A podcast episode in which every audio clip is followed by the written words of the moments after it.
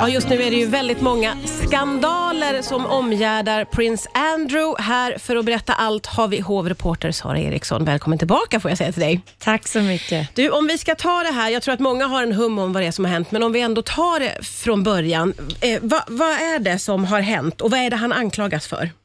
Nej, men eh, det, det är ju verkligen en, en väldigt lång och rörig historia. Det är verkligen en Andrew-karusell. Um, så att man ska försöka sammanfatta det här på, på något bra sätt, så handlar det om att prins Andrew är ju alltså en av drottning Elizabeths söner och han var väldigt god vän med den pedofildömde Jeffrey Epstein. Mm. Miljardären som eh, liksom levde bortanför lagarnas gränser. Mm. Eh, han har utsatt enormt många unga flickor för våldtäkt. Han har tvingat dem att ha sex med honom och sina vänner.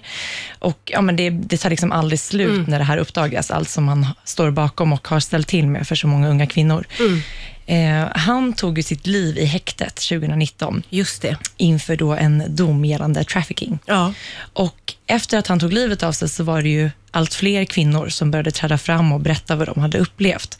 Och en av dem var ju Virginia Roberts eh, Giraffe, som då eh, trädde fram och berättade att hon som 17-åring tvingades att ha sex med prins Andrew under tre olika tillfällen. Just det. Och hur reagerar han på den här anklagelsen då?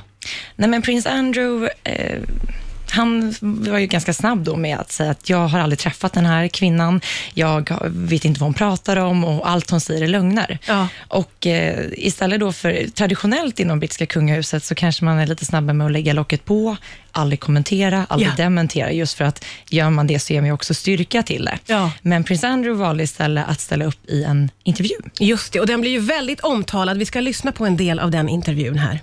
One of Epstein's accusers, Virginia Roberts, yeah. has made allegations against you. She says she met you in 2001. She says she dined with you, danced with you at Tramp nightclub in London. She went on to have sex with you in a house in Belgravia belonging to Ghislaine Maxwell, your friend. Your response? I have no recollection of ever meeting this lady. None whatsoever. You don't remember meeting her? No she was very specific about that night. Mm. She described dancing with you no. and you profusely sweating, and that she went on to have bath, there's a, there's possibly. A, there's a slight problem with, with, with, with, with the sweating um, because uh, I, I have a peculiar medical condition, which is that I don't sweat, um, or I didn't sweat at the time, and that was. Oh, actually, yes, I didn't sweat at the time because I um, ha- had suffered what I would describe as an overdose of adrenaline in the Falklands War when I was shot at. Uh, and I simply, it, it, was, it, was, it was almost impossible for me to, to, to sweat.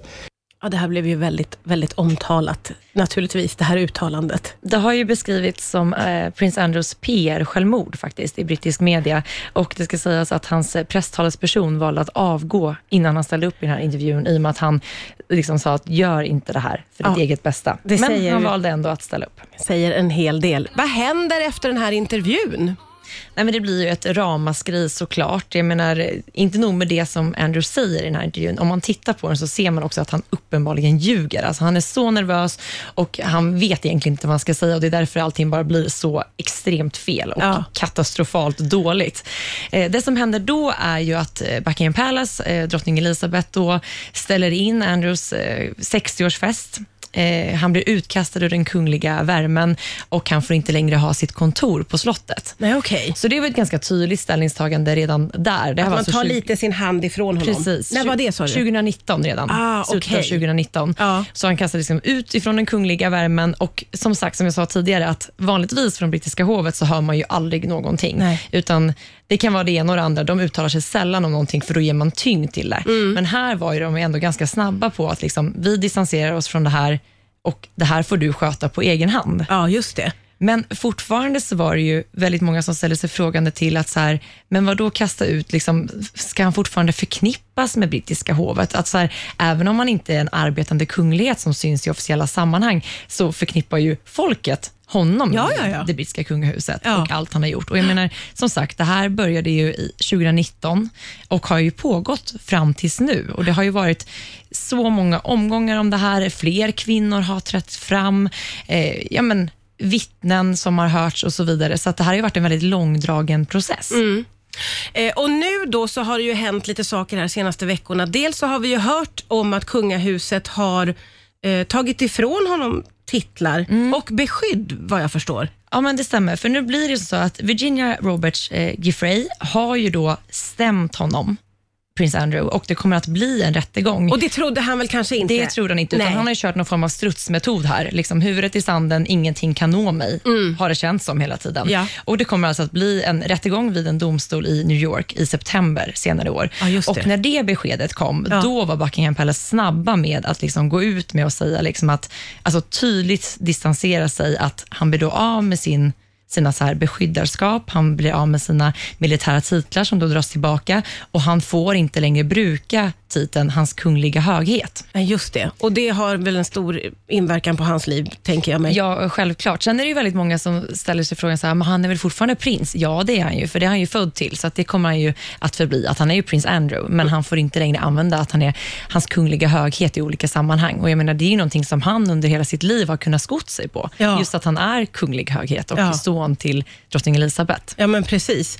Eh, vad kan man dra för paralleller till eh, prins eh, Harry och Meghan? Det är ju egentligen lite samma deal. Nu har inte de begått något brottsligt, Nej, det ska sägas. ska vi vara utan- tydliga med. Det ska vi vara tydliga med. Utan de har ju valt att eh, ta ett steg tillbaka och inte längre arbeta som kungligheter. Där har ju istället drottning Elizabeths utmaning varit just att de väljer att, att göra så monsterdealar med stora medieföretag och jobba, eh, fast de då fortfarande har varit kungliga Mm. högheter. Eh, där gjorde man ju då, tog ett beslut att ni får inte längre heller bruka era titlar i de här sammanhangen. Just det. Så de får inte heller sko sig på att de är kungliga högheter. Nej. Men du eh, berättade för mig här eh, under låten att eh, prins Charles och eh, prins William fick corona samtidigt, men det hölls hemligt. Varför då? Ja, man, de gick ut med, brittiska hovet gick ut med att prins Charles drabbades av corona, men kort därefter så blev även prins William smittad. Men det valde man då att hemlighetshålla. Och anledningen till det är att, säg då att drottning Elizabeth hade blivit sjuk under den här perioden, då är det ju då hennes son, prins Charles, som ska gå in för henne, ställföreträda henne. Och är då han sjuk i corona, då är det ju prins William som ska ta den platsen. Ja. Och om de då båda är sjuka samtidigt, ja, vilka hittar vi då? Då hittar vi prins Harry och prins Andrew. Nej, det går ju Och inte. det går ju inte. Nej. Och jag menar, nu mitt under allt, hela Harry och Meghan-karusellen och allt kring dem och sen hela Andrew-härvan. Det är inte så att brittiska folket har särskilt stort eller högt förtroende för varken prins Harry eller prins Andrew, även om det är två helt olika saker. Ja, ja, verkligen. Eh, men nu väntar rättegång för eh, prins Andrew. Va, Ja. va, vad händer om han döms? Ja, vad händer om han döms? Det blir ju verkligen något historiskt. Alltså, och som vi pratade lite om i pausen, alltså det som han står anklagad för, om det visar sig att det här stämmer, att han har våldtagit, jag menar, det, kan, alltså det har man inget överseende med oavsett vad. Nej. Alltså, och hur än den här rättegången slutar, oavsett om han blir dömd eller inte, så har jag så svårt att se att han någonsin kommer att kunna kliva tillbaka in i den kungliga värmen och jobba som arbetande kunglighet. För oavsett vad så har han varit vän med Jeffrey Epstein. Och det som framkommit kring Jeffrey Epstein och vad han har gjort i sig, jag tror att den vänskapen räcker för att man inte ska kunna vara en arbetande kunglighet. Vi får helt enkelt fortsätta följa turerna kring prins Andrew. Sara Eriksson, tusen tack för att du kom hit idag. Tack.